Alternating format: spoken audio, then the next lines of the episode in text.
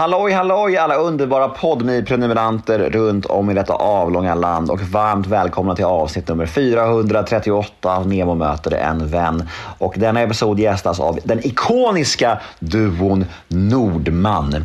Och eh, vill ni veta vad min klippare sa till mig när han klippte denna episod? Han sa så här.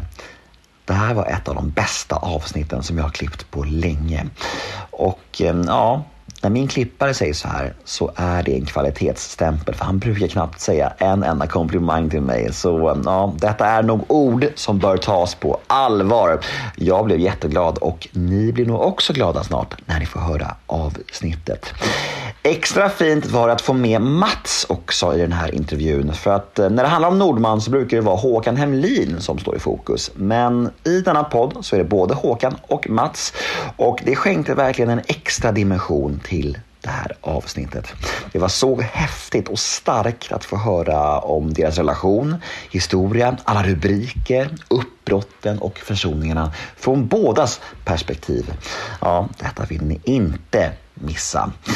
Jag heter Nemo Hedén på Instagram och min mail är gmail.com och den här podden klipps av Daniel Eggemannen Ekberg och jag vill som vanligt rikta så mycket tacksamhet och kärlek till alla mina prenumeranter där ute.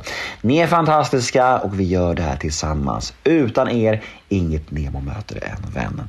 Men nu ska jag inte babbla mer. Nu dunkar vi igång avsnitt nummer 438 av denna långkörare. Vi kör Nemo möter en vän med Nordman. Och här kommer nu episoden efter en liten, liten jingel.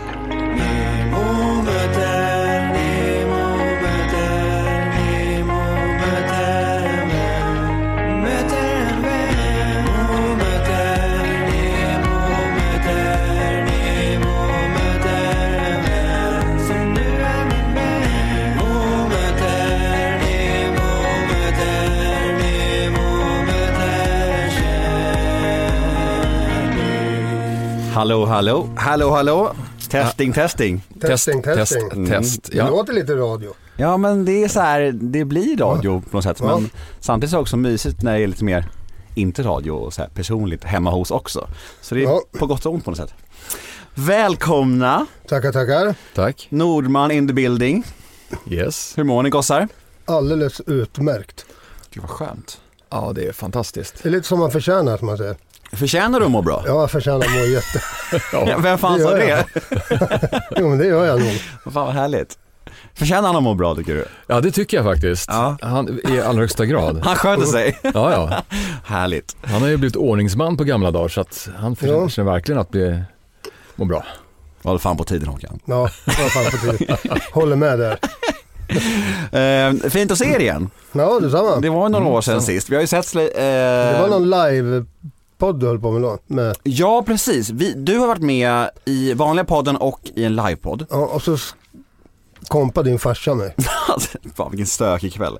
Så, li- lite recap till lyssnarna. Att, att, eh, det var ju när min podd fyllde 150 avsnitt tror jag på Mo- Mosebacke, Södra Teatern.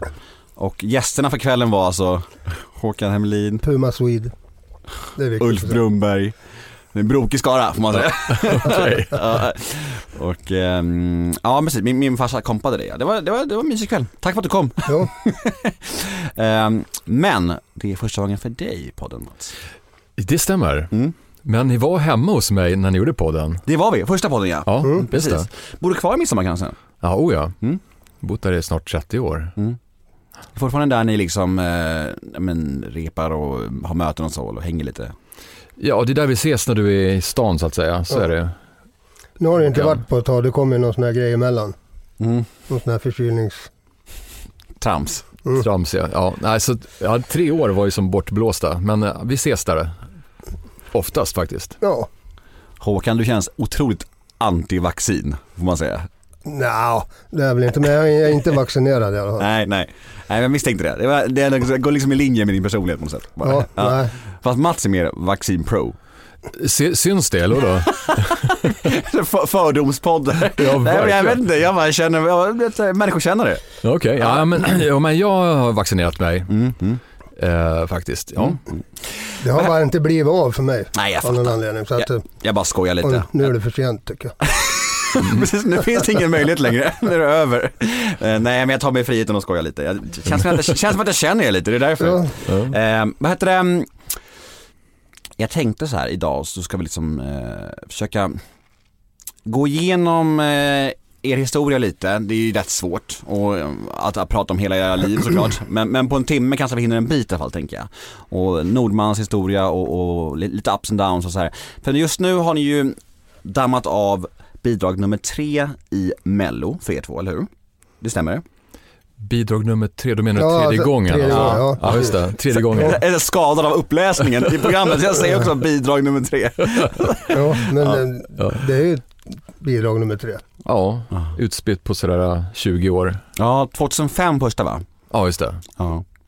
Men alltså om ni ska uppdela de tre gångerna, alltså ehm, hur har det varit, vad, vad liksom, vilket, vilken gång har varit svårast, roligast och, och hur skiljer sig gångerna åt? Det är en bra fråga faktiskt. För när vi gjorde det första gången 2005, då hade vi också, då hade vi haft en break också på ett antal år. Mm. Så det var liksom första gången i princip vi stod på scenen tillsammans efter vi bröt 97 va? Ja, Eller 98 var det, början på ja, 98. nu- ja, precis. Där i krokarna. Så då var det ganska, eh, för oss, ja lite märkligt. Hur vi möttes och stod på den här scenen på Melodifestivalen och gjorde Ödet var min väg. Ja, man kände sig inte riktigt... Det var ju kul naturligtvis, men man kanske inte kände sig riktigt hemma. Nej. För Men- Första gången man var med i alla fall. Ja, vi hade, som, ja just det, vi hade inte, hade inte landat i nästan att vi hade börjat jobba och sådär.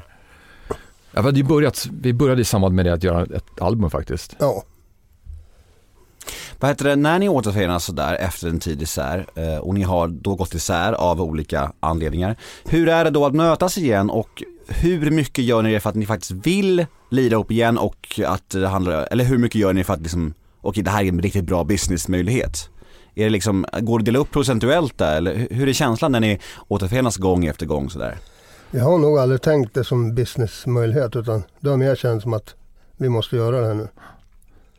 Det här är, för, ja, absolut är det så för mig också, att det här är, det är mitt drömprojekt att, att vi, Håkan har startat en gång på 90-talet och att hela grejen är, det är så himla roligt. Musikkombon och Håkan, jag älskar Håkan som person också så att Det är ömsesidigt Mats. Ja, jag använder, du hör. Jag använder inte de orden.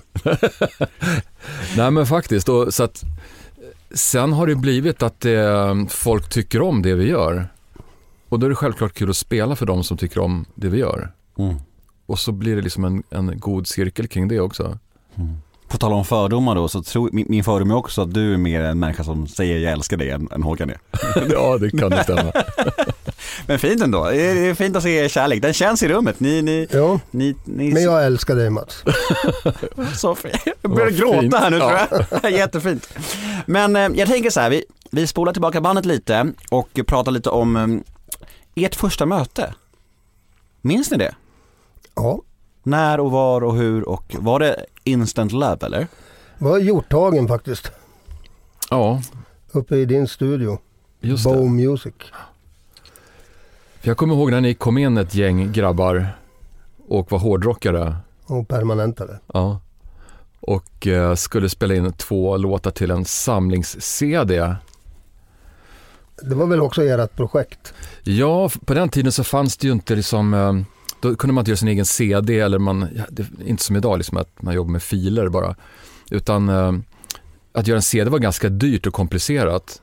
Så att vi tänkte att om man samlar ihop band som vill presentera sig eh, så hade vi ett erbjudande som vi skickade ut, eller skrev i Gula Tidningen faktiskt, kommer ni ihåg den?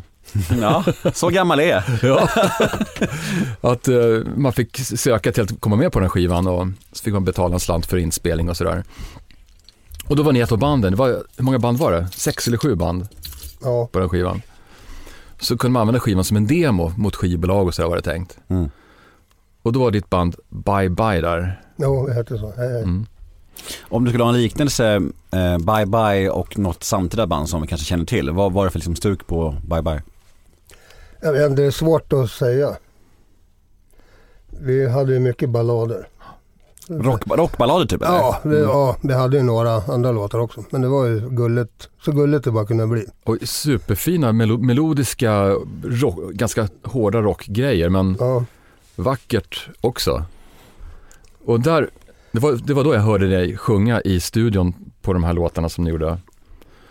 Och eh, samtidigt så höll jag på med ett projekt eh, som vi kallar för Folkpopprojektet med två killar från Uppland, spelmän. Grupp, gruppen Väsen, Olof eh, Johansson och Micke Marin.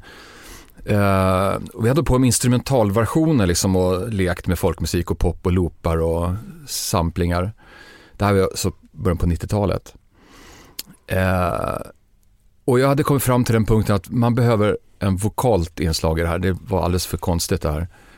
Eh, och så hade jag tänkt att en, man skulle ha en, en rockig röst. För folkmusik är så förknippat med eh, vacker kvinnlig sång. Så här, folkvisa. Så att jag vill ha en kontrast till det. Liksom, en revolt kan man säga. Eh, så den första jag hade i huvudet var ju Micke Rickfors. Den typen av röst. han ville ha något strävt. Strävt, kärvt. Nej, men, men så dök Håkan upp där och jag hörde och så frågade jag dig om Ja. du ville testa på mitt experiment. Jo, och så sa jag ja. Utan att tänka mig för.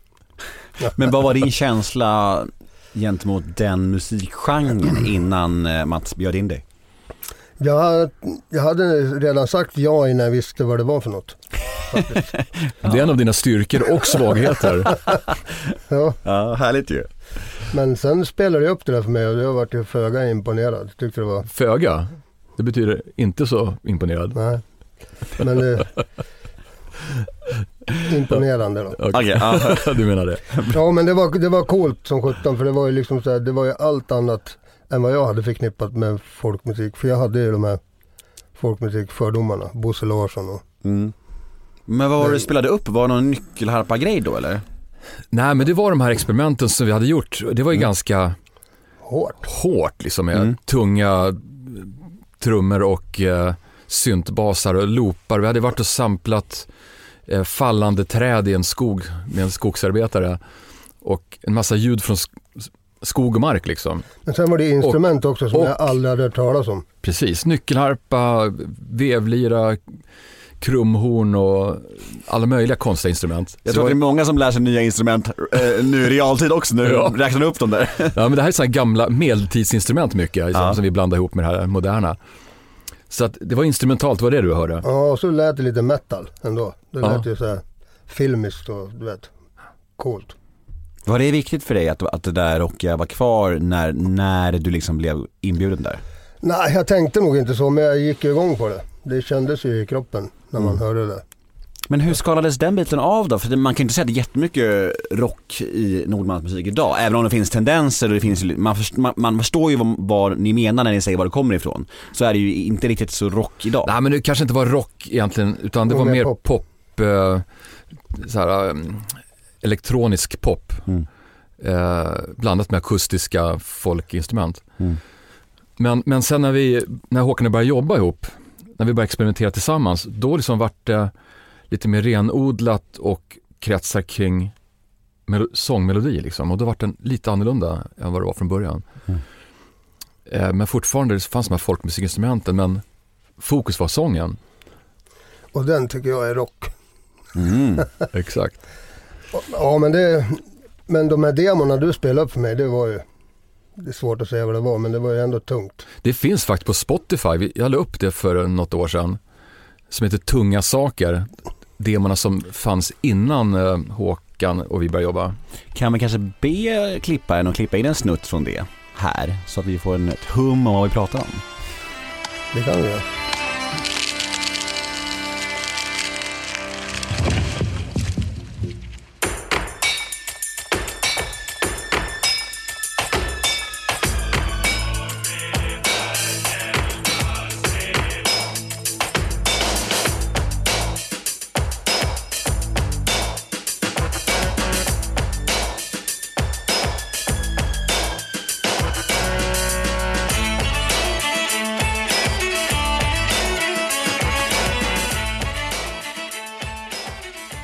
Men eh, man hör ju ändå att det bor en tung jävla rockröst i din sång får man säga. Man, man kan ju se det framför sig att, att du är en jävligt bra rocksångare också.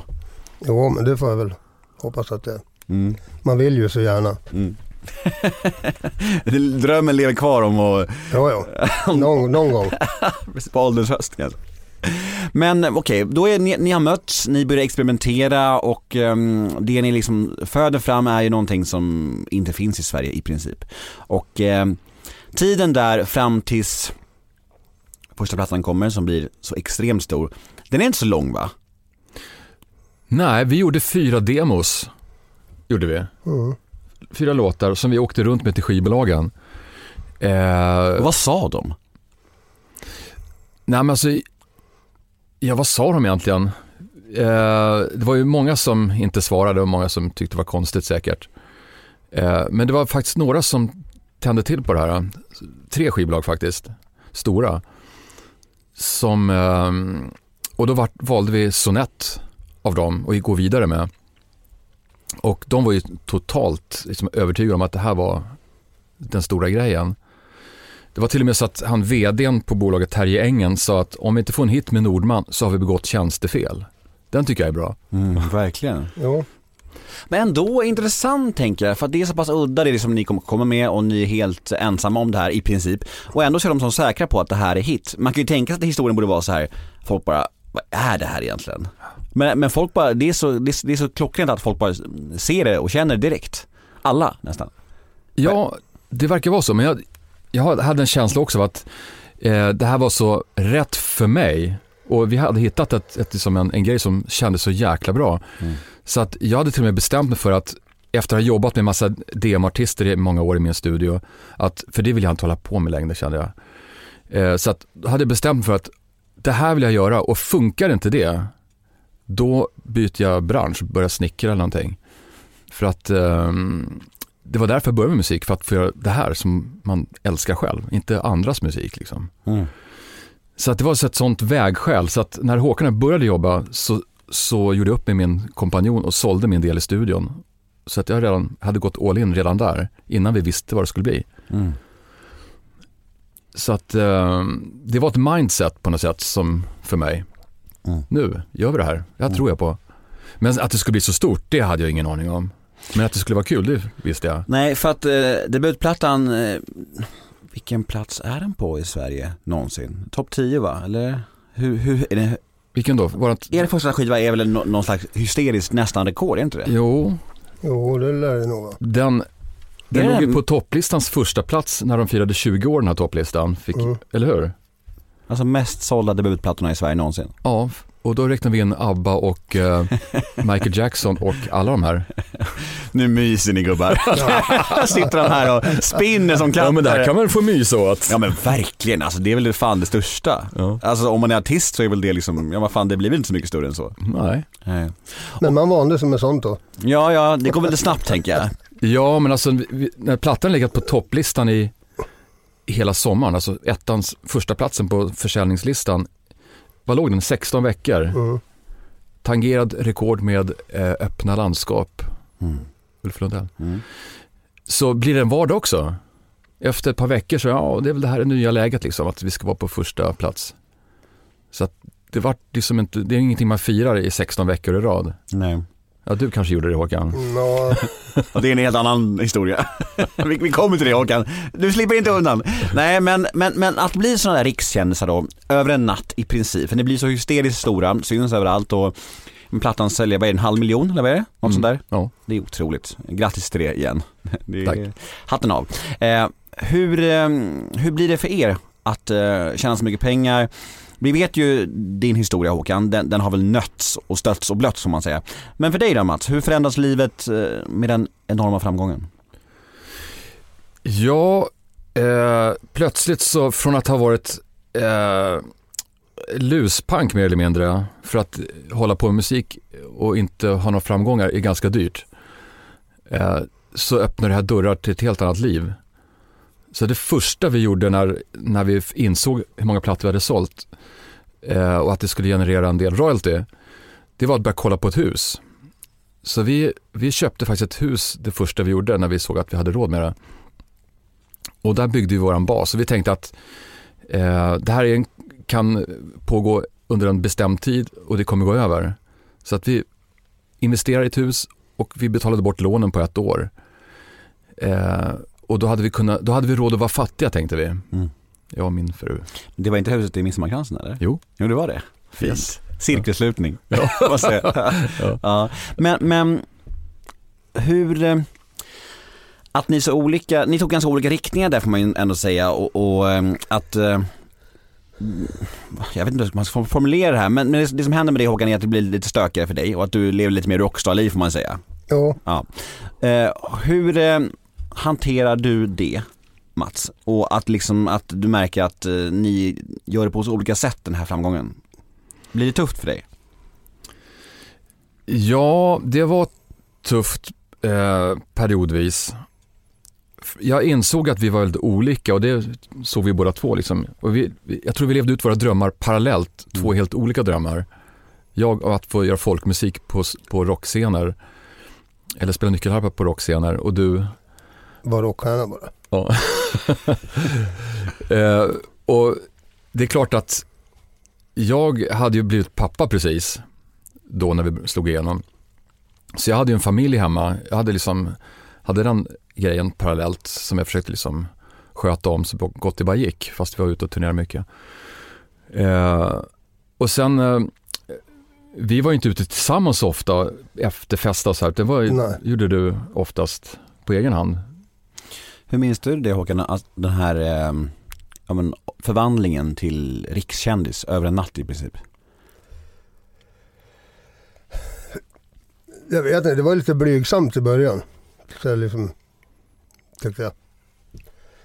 Man mötte folk och äh, jag. Liksom svårt att ta komplimanger och jag vet inte om jag riktigt ville tro på det riktigt heller. Men det vart det som det vart. Har du känt att du försummat mycket i de åren? Jo, men det har jag nog gjort. Jag har nog försummat en hel del. Som hela framgångssagan. Den glömde man ju. Som jag brukar säga, jag glömde, man fick gå igenom den där blomsterängen. Mm. Jag brukar ha det som... Och så gick jag rakt igenom och, utan att glömma. Jag glömde lukta på blommorna riktigt. Mm. Så att lite... Lite sånt. Men jag kan ju tänka tillbaka idag och ändå vara ganska stolt över vad man har åstadkommit. Mm.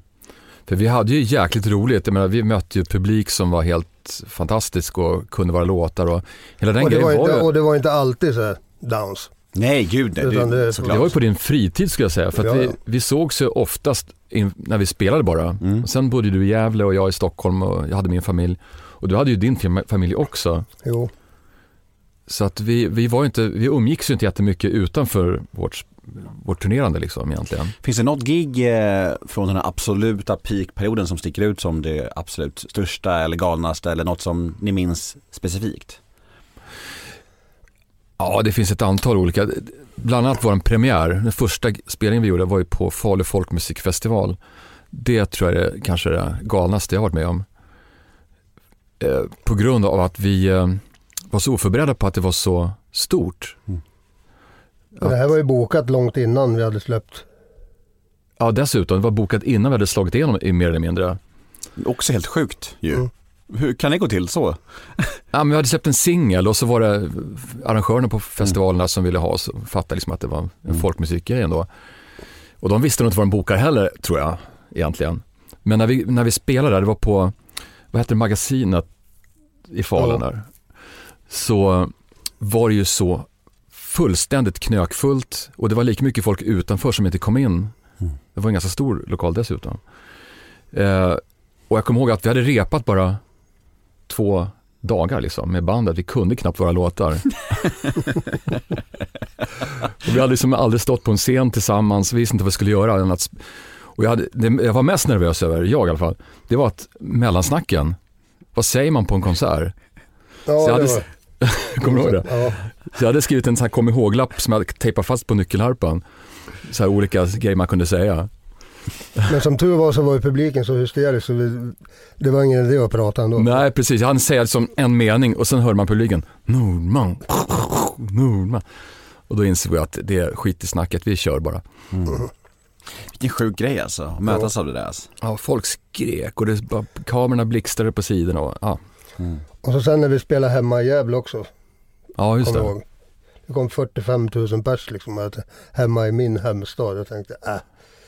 Man har alltid sagt att man blir aldrig profet i sin egen hemstad. Men det gick man bet. Det fick de äta upp, de som, Ja. de som myntade det uttrycket.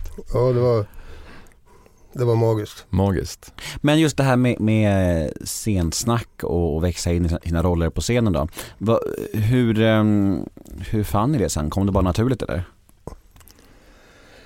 Ja, vi lärde oss. Vi, vi satt ju och planerade stolpar. Inget så här, det här ska vi säga, utan vi hade ju mera, det här kan vi prata om. Mm. Så fick det bli som det blev, så att det inte blev så inrepat liksom. Men vi gjorde ett, alltså andra turnén här till andra plattan så hade vi faktiskt anlitat, vad heter han, som gjorde faktiskt manus till oss. Han komikern där. Ja, du menar han Bosse, nej vad hette han? Storebror i Storbror, lillebror, lillebror, vad heter han? Larsson hette han väl? Han är död nu. Ja, Va? Storbror, Ulf- lillebror, Ulf- Larsson. Ulf Larsson. Ja? Ulf Larsson. Söndagsöppet. Just det, Ja, Uffe precis. Larsson. Jo, han hjälpte oss med ett manus. Men jag kommer ihåg, vi kände oss aldrig bekväma med det. Nej. Det var inte våran grej. Så vi tog bort det tror jag. Och så började vi med stolpar istället, att vi kan prata om det här och så vart det spontant istället. Mm. Och mer oss. Men just det där då ehm, andra plattan som du näm- nämnde nu. Det måste ju vara en väldigt speciell grej att ehm, man har hört många artister som pratar om det genom åren att det är så svårt att följa upp en stor succé med andra plattan. Ska man göra sin egen grej och försöka utveckla soundet eller ska man försöka mm, kopiera sin eh, succédebut eller hur man ska tänka och så. Hur resonerade ni? Vi behövde inte resonera så mycket för jag tror den innan den var släppt så var det hade vi redan sålt 170 000 tror jag förhandsbeställda. Jo, jo den, den var ju som, eh, det fanns ett efterfrågan direkt.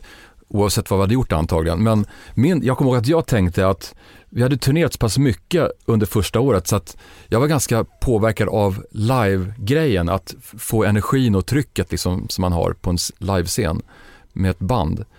Så att andra plattan var mer med livemusiker och eh, mer lite rockare kanske.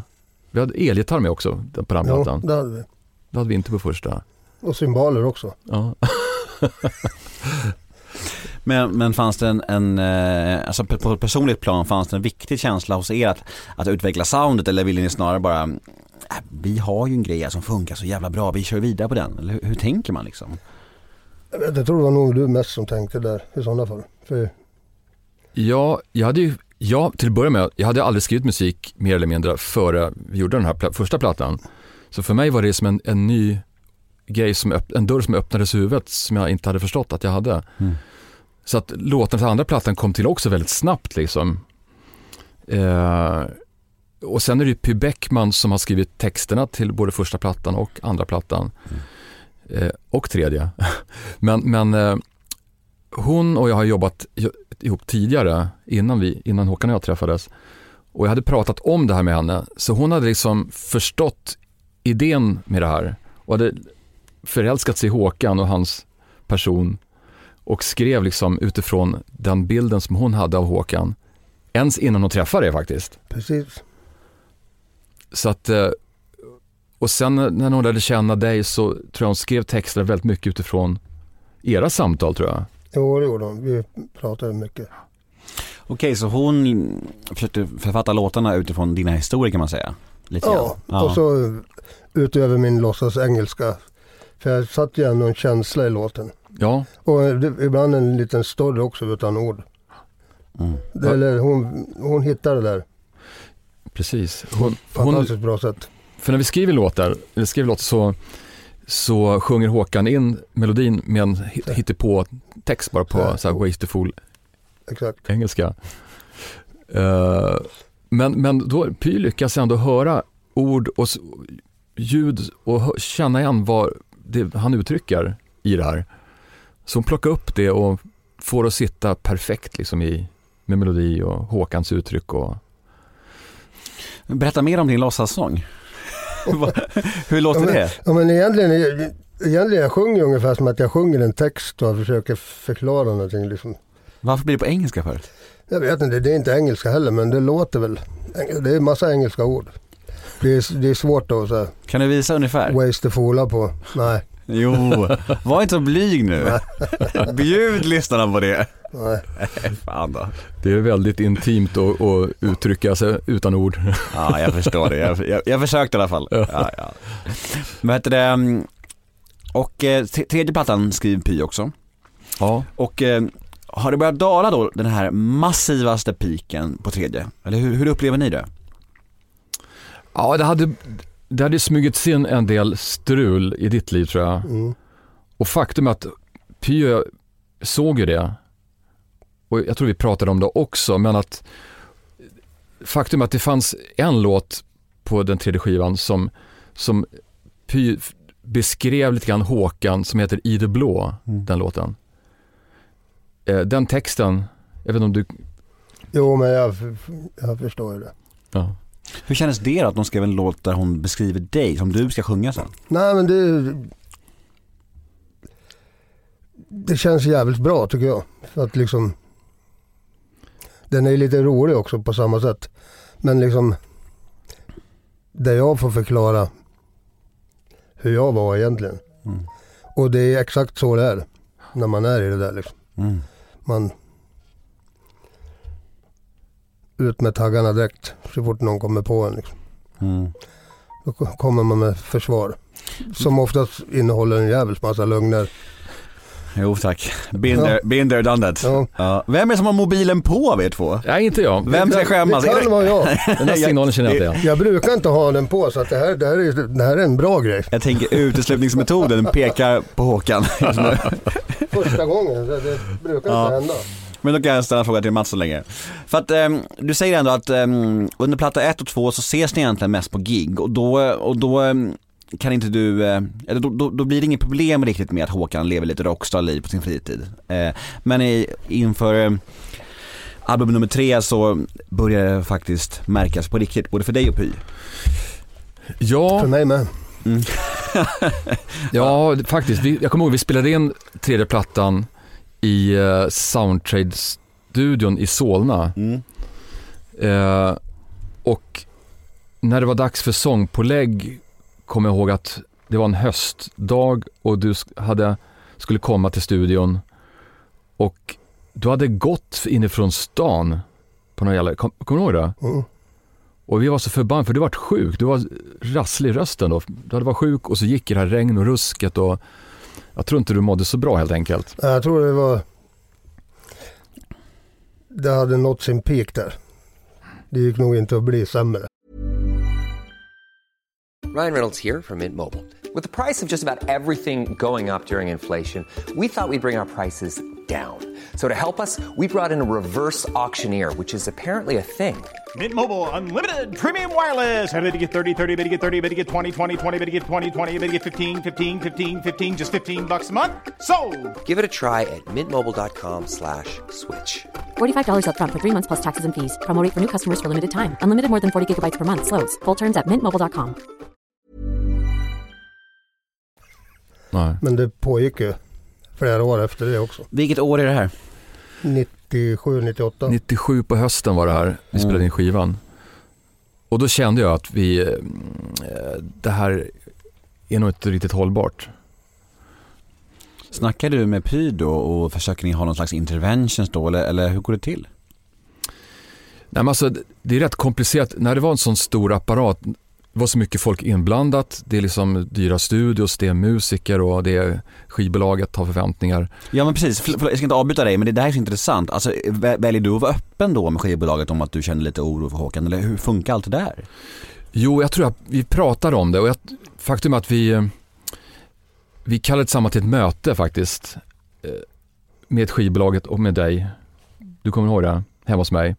För att vi sa att det här går inte. Eh, och jag konfronterade dig med att jag, jag ser att du har problem. Liksom. Vill du, kan vi göra någonting? Kan vi hjälpa dig? Men du ville liksom inte eh, inse det eller säga någonting om det. Nej. Jag tyckte nog de flesta var dumma huvudet och inte fattade något. Men Jag, jag, såg, jag såg inte det där riktigt nej. själv. Jag, eller jag ville nog inte se det. Jag visste nog om det men försökte nog. Nej, du, jag tror att, var det inte också att eh, du inför din familj och allting också Ja. att du hade ju barn och fru och men eh, Mycket skam. Jo, Mm. fruktansvärt mycket. Men hur blir det förutom att du kör taggarna utåt där? Blir du, blir du sur eller blir du, blir du introvert eller blir du liksom ledsen eller hur, hur funkar du känslomässigt i en sån situation? Nej, jag tror inte jag varit någonting. Jag, jag höll med er och ja, ja, sen hördes vi inget mer. Sen, nej. Sen tog det några år innan, flera år. ja, sju år tror jag, innan jag ringde upp. Ja. Så efter platta tre är det sju års break? Ja, Mer eller mindre ja. Åh jävlar alltså. Det är ändå ganska abrupt får man säga. Det var det. Ja. För pla- platta tre, hur mycket säljer den? Ja, den sålde väl det man förbeställde i och det var väl 100 000 tror jag. Ja. Ingen mer än förbeställningarna. Nej, jag tror inte det. Eller jag vet inte. Var den så mycket sämre eller vad tror ni det berodde på? Nej, men vi, det här var ju kort efter den var släppt Mm, som vi bröt allting och då upphörde ju all, all marknadsföring också. just det. Inga turnéer, ingenting liksom. Så att det var tvärnit. Och det var ju jättejobbigt. För mig var det skitjobbigt att se, först inse att du hade det jobbigt och svårt liksom och inte såg det själv eller ville erkänna det för dig själv eller för någon annan. Och att jag var tvungen att överge min, min dröm också med det. Mm. För jag mådde ju dåligt också av det här. Jag har har varit medberoende liksom utan att veta om det under en lång tid. Mm. Ja, det blir ju lätt så när man lever nära någon i, i missbruk. Det blir ju det är svårt att undkomma på något sätt. Men, men efter platta nummer tre där, är det det första gången ni hörs då sen när ni är med i Mello igen då? Eller, eller är det så? Ja, Okej. jag tror det var 03, eller Mm. slutet av 03. All 04 tror jag till och med. Ja, Som 03 jag, som kanske det jag, var. som jag Ja. ringde till dig. Ja. Hur var det då att ringa upp honom efter sju år? Jag hade ju varit på, suttit i finkan och varit på behandling. Och vaknat till lite där. Så att det var den första, den första jag prat, ringde till överhuvudtaget. När jag kom hem, det var till Mats. För att berätta att jag mådde bra. Så Mats satte sig i sin bil och åkte upp till Gävle för att få det här bekräftat. Jag behöver se det här med egna ögon. Ja, nej, men faktiskt. Jag fattar ju att du skulle aldrig ringa till mig om det efter så lång tid, om det Nej. inte stämde eller att det var så. Och det var ju på grund av mitt dåliga samvete Det var det. som, Som du ring- ringde. som jag ringde Mats. Ja. Så du ville i princip Ja. be om ursäkt för att... In, inte för att nu kör vi igen, för att jag ville något sånt liksom. Utan det var mer för att berätta. hur, För hur, jag tänkte han har säkert funderat under de här sju åren liksom. ja, det kan man nästan anta. Att jag hade. Mm. Men hur var det då att bevittna hela den här cirkusen om Håkan i media och fängelsedomar och allt sånt, allt sånt här skit. Alltså från liksom distans och bara se det liksom i media och så. Ja, men alltså det var skitjobbigt såklart att se hur, hur allting bara föll. Mm. Det, vi hade ju byggt upp en så bra grej. Hade vi hade kunnat fortsätta och, om det hade funkat liksom. Eh, Men eh, ja, det, var, det var såklart jättesvårt.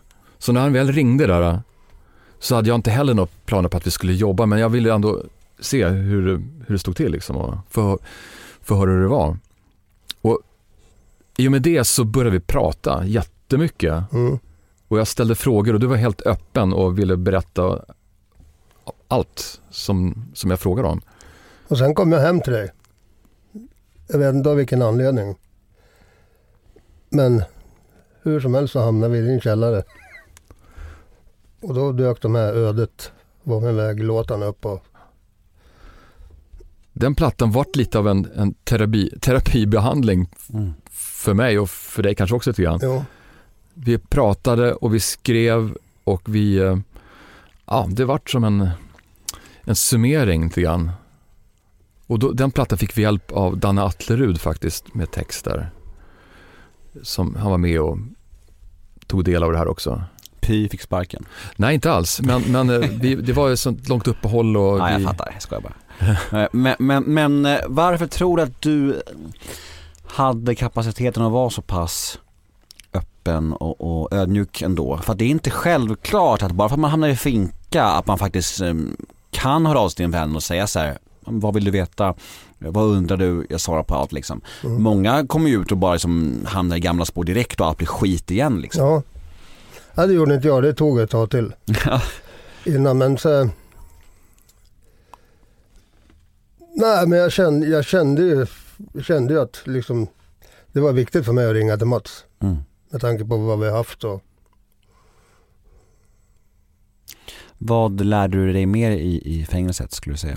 I fängelse lär man sig inte ett skit. Nej, det var bara skit. Ja, man lär sig ingenting. Nej. Det är, liksom, det är bara rutiner. Man följer, går, går i ledet liksom. Vad åkte du in för? Olovliga körningar, Mm. Det är det. För många i rad? Ja, alldeles, alldeles för många. Ja, jag förstår. Okej. Okej, ja men då är ni en comeback tillsammans och, och med dunder och brak. Det blir ju en stor succé i mello. Ert eh, första bidrag av tre. Vi, kan kalla det medverkans istället, det blir tydligare. Eh, men det blir en succé i alla fall. Och känns det som en nytändning då? Känner ni så här, nu är det for life, nu, nu kommer vi köra på? Eh, eller hur är känslan när ni liksom är på scen ihop igen där? Det är faktiskt mycket, det är roligare än någonsin kan jag säga. ja, du, men, om du menar 2005, Mm. Ja, då.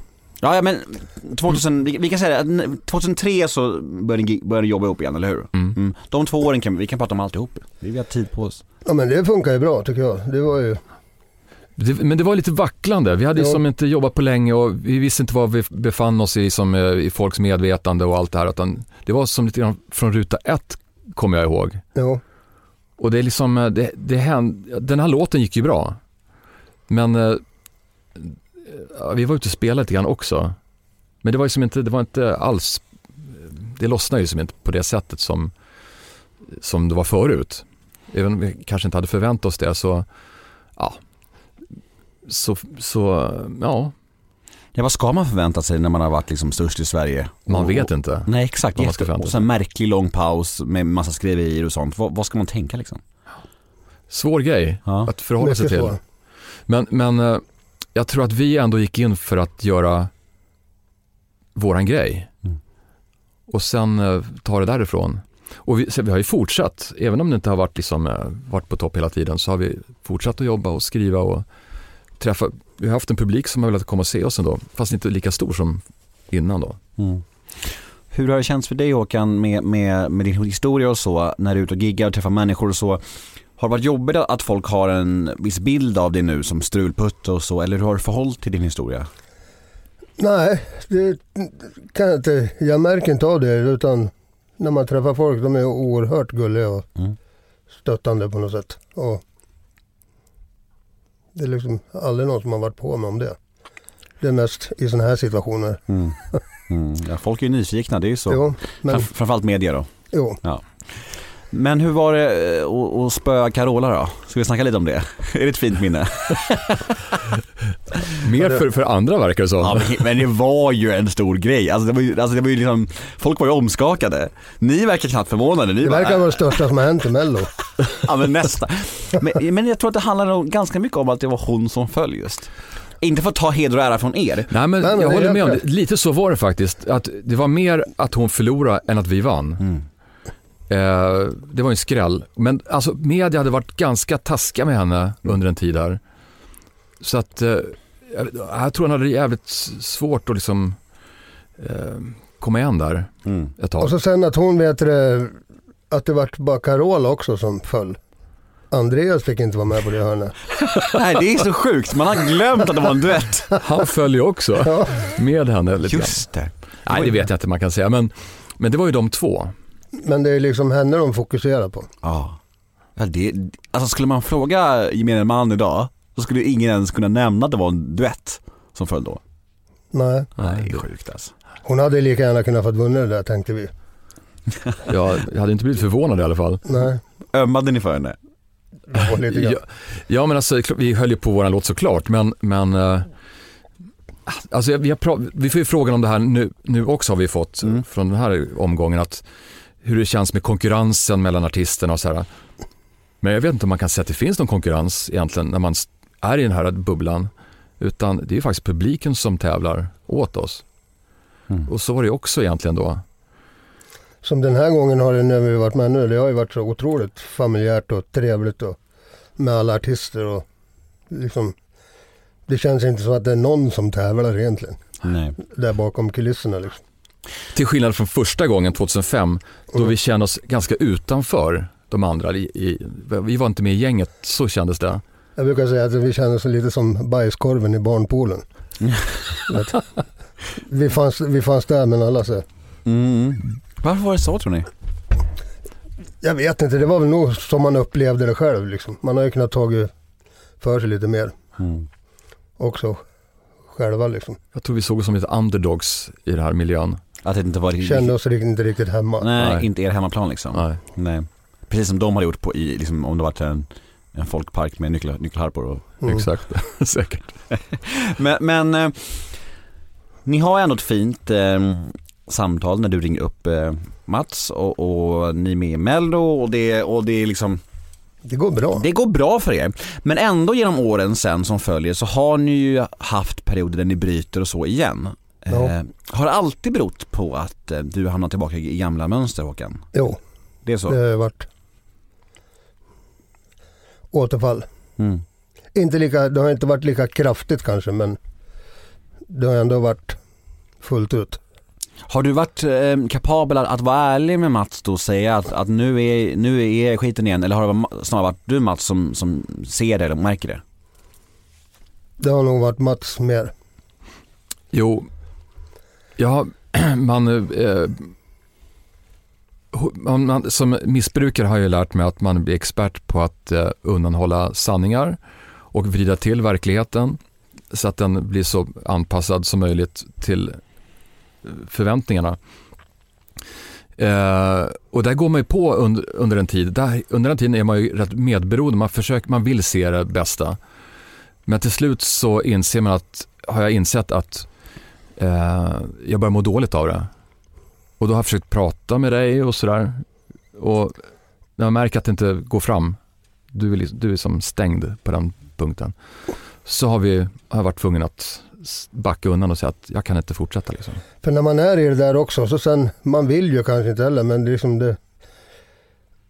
När man väl funderar på att det här är ohållbart, det, det är liksom, det finns ingenting.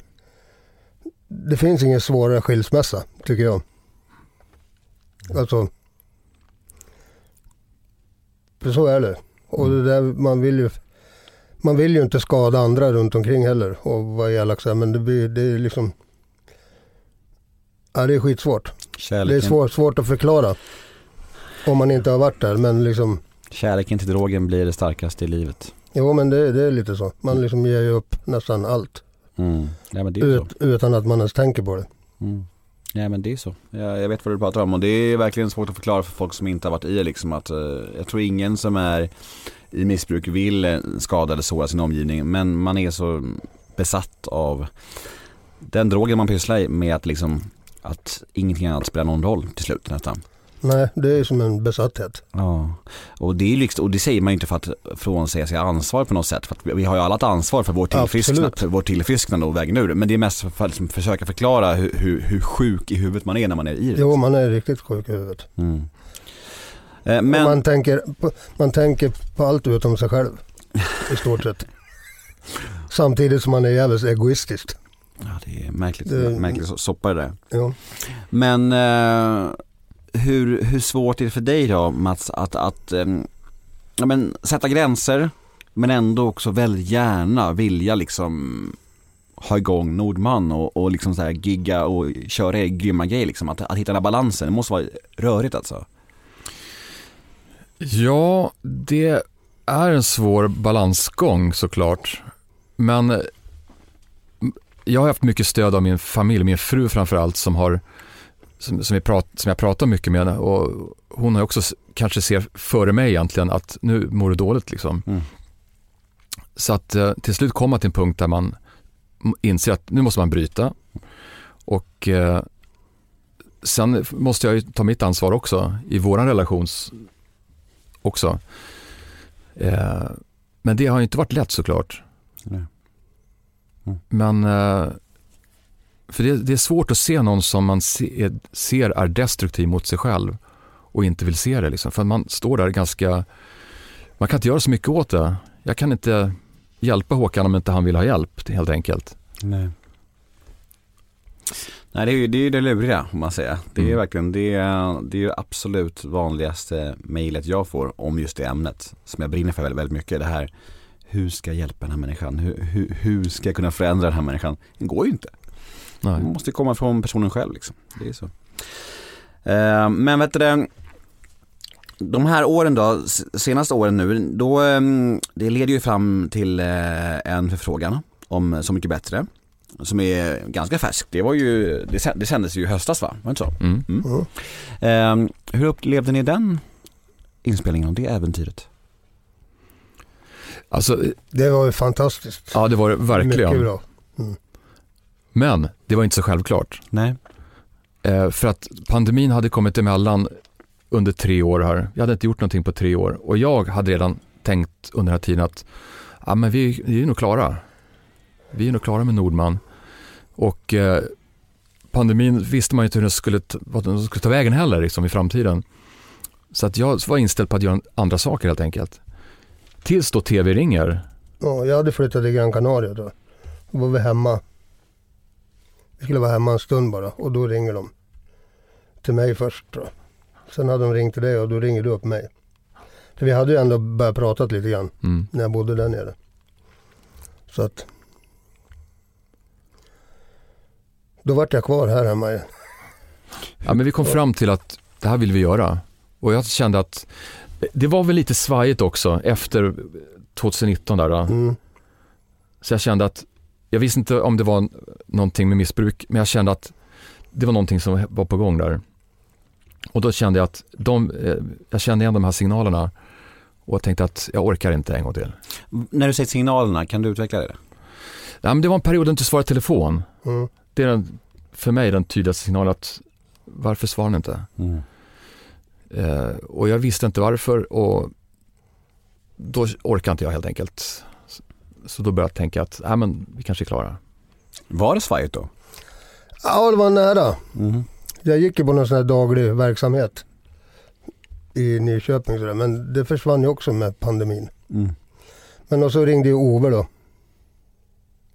Och så drog jag till Gran Canaria. Jag skulle vara där 14 dagar och spela in en video. Det är en kompis till. Och vart kvar där och träffade en fru. Mm. Med Ove? Ove Lingvall, han spelar, han är en trummis och han har gjort en del av våra videos också. En Mm. bra videofilmare.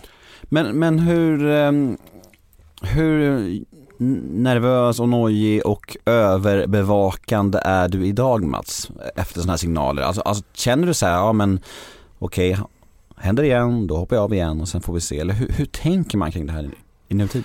Jag kan säga så här att jag eh, tänkte att den här inspelningen pågår i sex dagar.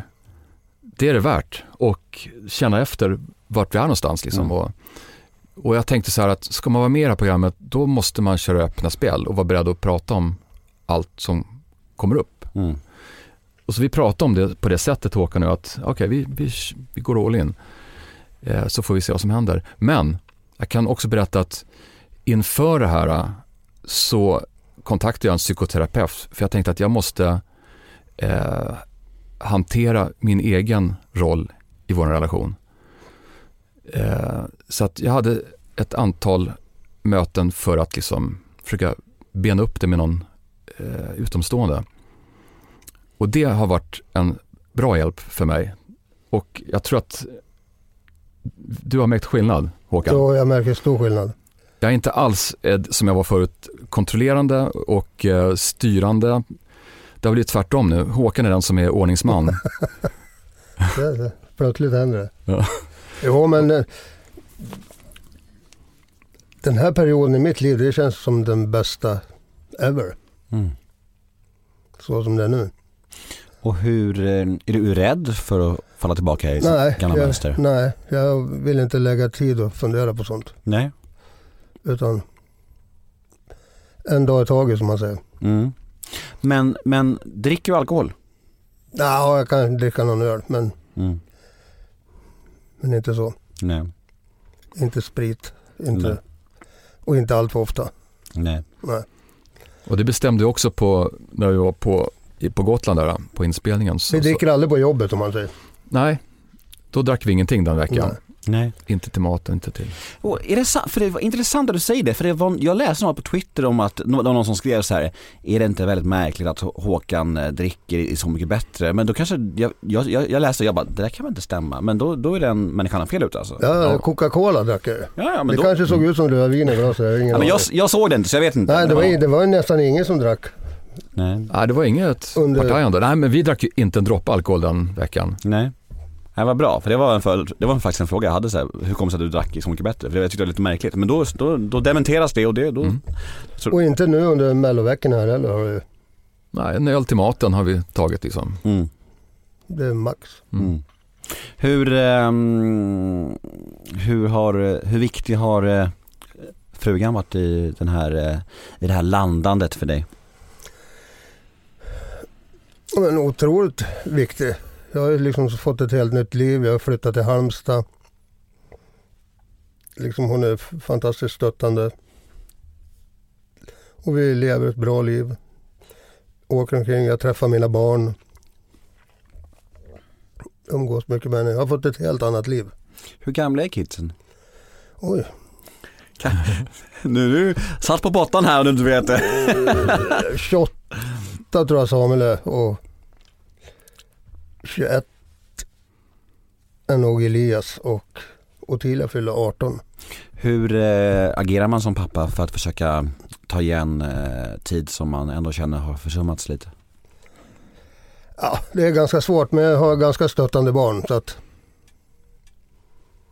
jag tror de är ganska nöjda över situationen idag. Mm. Och ganska förstående också. Vad fint. Mm. Eh, har det stört dig genom åren Mats att eh, folk tror, inte jag då, men att folk eh, överlag, eh, vissa tror att Nordman är Håkan? Nej, det har jag faktiskt inte gjort. Eh, Det är väl ett eget val egentligen Ja, början. det var det. Håkan, på första skivomslaget så är det ju bara Håkan på framsidan. Mm. Och det var ett val vi gjorde då. Jag är på baksidan är vi två, tror jag. Men eh, det har varit ganska skönt under hela tiden att, att eh, inte vara igenkänd på samma sätt. För du har ju varit extremt exponerad och utsatt. Jo. Eh, så att jag har kunnat vara liksom ganska, ta det ganska, haft det ganska lugnt på det sättet. Mm. Har det förändrats med åren? Den känslan av att du också vill vara i, i strålkastarljuset? Ja, ja, faktiskt lite grann. För att då, jag såg mig aldrig som en artist faktiskt. Jag var producent och låtskrivare lite grann. Eh, Men nu på senare tid så känns det kul att träda fram och eh, kul att prata, kul att ja, vara synlig. Ja. Mm. Du tar ju för dig mer nu. Nu Ja. är du ju mer synlig och Ja, jag är inte så rädd för att prata längre heller. Nej. Your, your time to shine.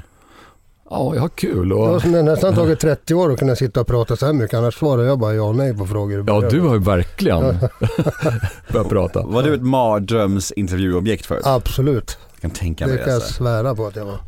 Jag kommer fan ihåg det, till och med bara för fem år sedan när vi sågs där så var det svårt alltså. Jo. Det var som en mussla, man fick liksom veckla upp dig. Eh, Men eh, idag har det varit lättare får man säga.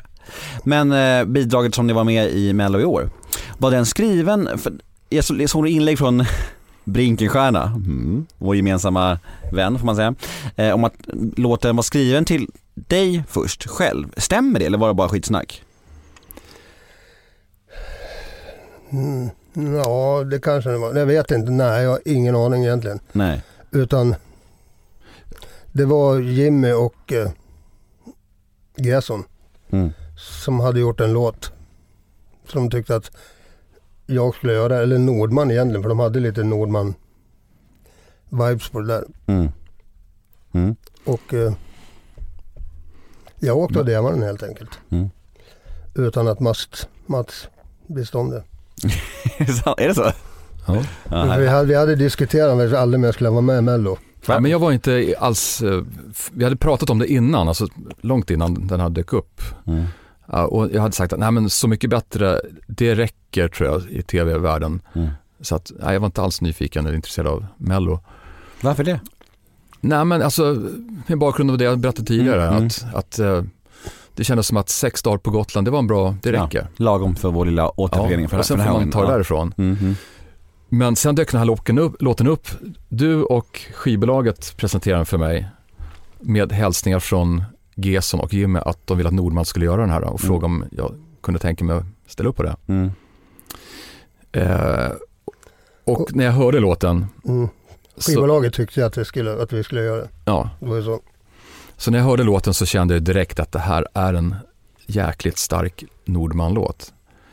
Och att, att skriva låtar som passar oss är inte det lättaste. Vi har fått många förslag på låtar som folk tycker är Nordman-låtar, men nej.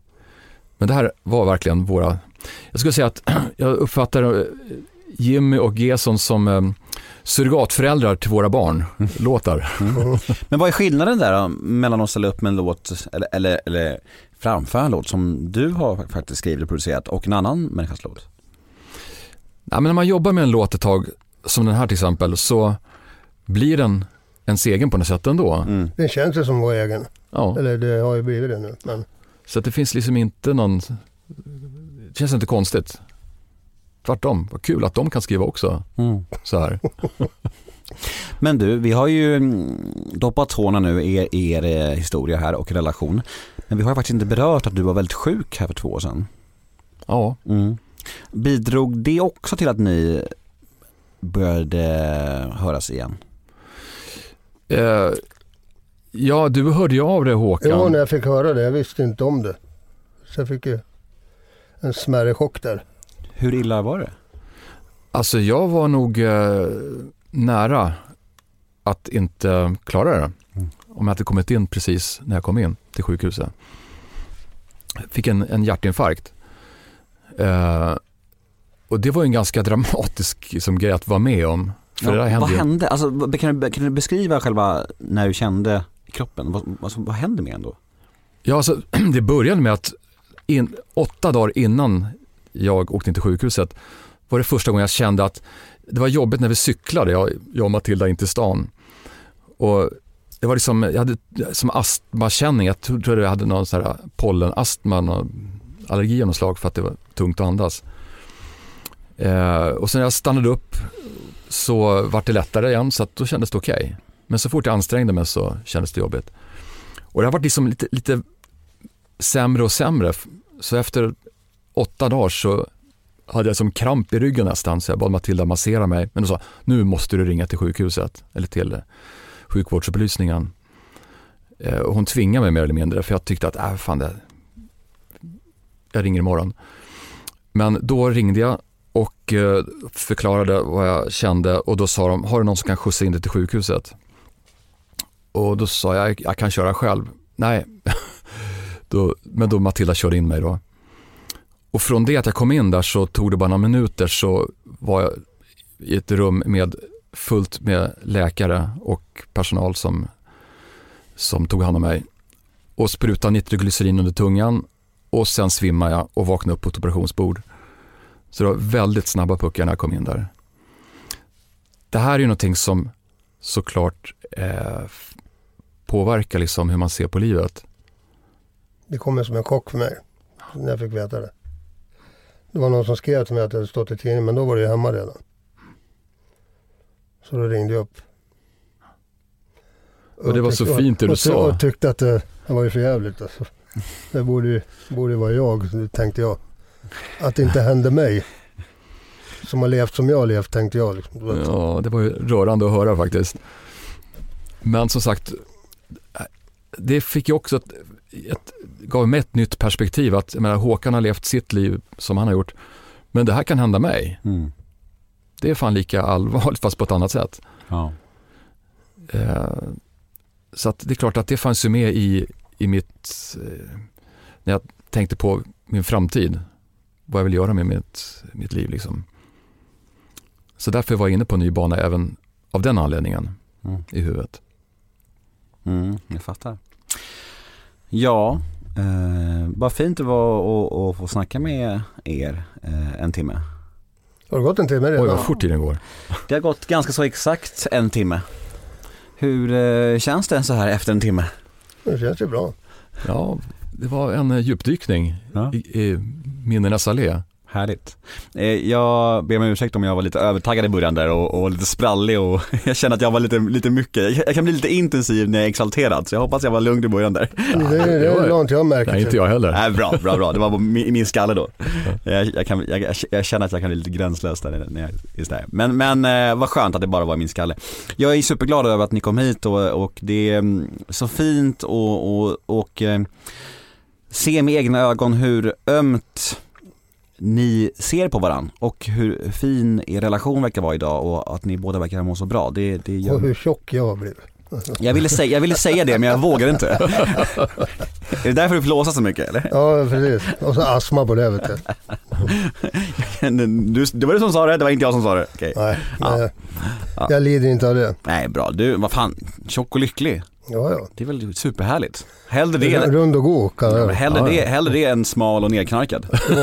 Ja, Det verkligen. håller jag verkligen med om. Om man måste välja liksom. Så är det. Tack för att ni kom förbi grabbar. Tack ska du ha. Och tack alla ni som lyssnade. Vi hörs igen nästa måndag. Hej då!